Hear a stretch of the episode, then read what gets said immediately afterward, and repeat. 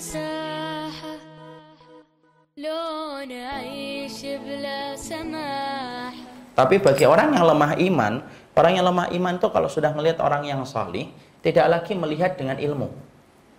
Antum dan saya kalau sudah tersentuh dengan ilmu, kita memandang orang salih itu dengan kacamata ilmu. Tetapi apabila kemudian kita melihat orang yang tidak punya ilmu, melihat orang salih itu berada pada posisi selayaknya para nabi dan para rasul. Lihat komentar orang yang tidak pernah ngaji kalau melihat orang salih.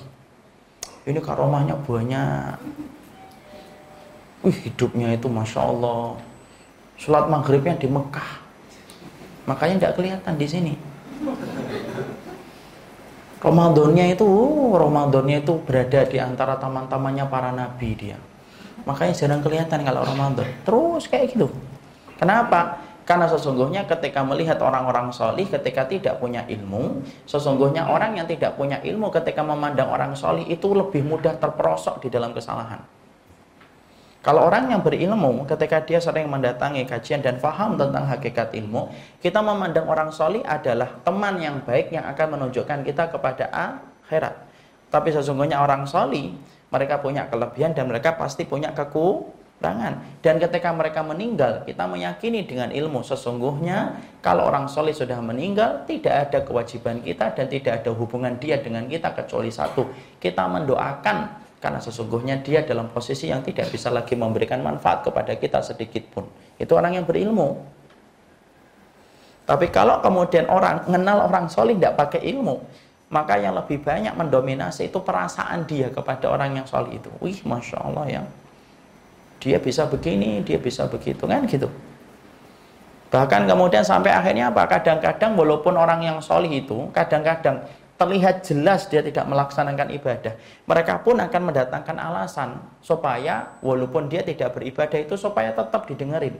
Loh dia itu kan makomnya beda dengan kita, tuh kan? Dia tidak sholat, oh makomnya beda. Ada ini salah satu, saya tidak usah nyebutin, ada salah satu orang yang dikultuskan banget itu. Kemudian orang yang pernah mendampingi dia itu memberikan kesaksian, dia itu tidak sholat. Saya itu betul-betul bersama dia tiga hari itu dan saya tidak pernah pisah sampai tidurnya saya sampingan itu dia tidak sholat.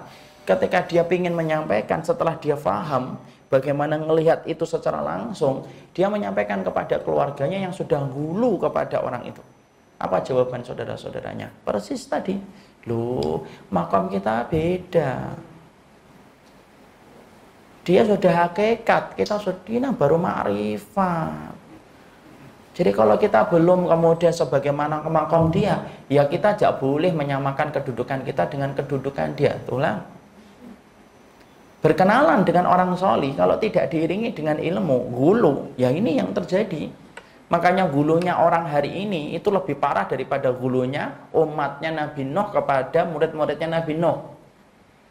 Karena kalau kita membuka di dalam tafsir kesyirikan umatnya Nabi Nuh itu beberapa periode baru adanya kesyirikan. Jadi kalau kita paham di antara umatnya Nabi Nuh yang ikut dalam perang, ikut dalam kapal, kemudian mereka selamat. Ada orang-orang solih itu, ya. Lata Uzza itu nama-nama orang-orang solih yang hidup pada zaman Nabi Nuh dan beriman kepada Nabi Nuh. Mereka meninggal tidak langsung disembah.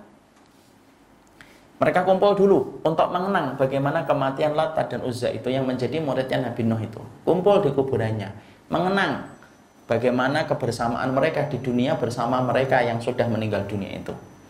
Periode golongan yang pertama ini meninggal, kemudian digantikan dengan periode yang kedua.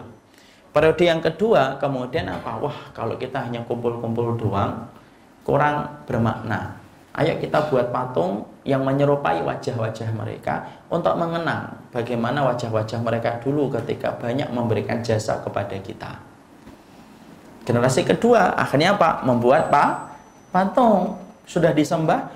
Belum. Belum disembah itu. Masih ada sisa-sisa keimanan yang kemudian ditinggalkan oleh dakwahnya Nabi Nuh. Lalu kemudian setelah itu apa? Yang ketiga, baru setelah yang ketiga, kok kemudian patung, masya Allah ya berarti mereka itu punya kedudukan tinggi di sisi Allah. Ayo kita minta kepada mereka, nanti mereka yang menyampaikan hajat kita kepada Allah. Baru beberapa periode baru melakukan kesyirikan. Berarti umatnya Nabi Nuh itu lebih lumayan, lebih lumayan, walaupun tetap syirik akhirnya. Kalau kita, kita mendapati masyarakat hari ini, periode ketika melakukan kesyirikan itu tidak usah nunggu tiga periode. Tepat ketika orang yang mereka kultuskan mati, langsung itu kemudian mereka akan melakukan kesyirikan itu.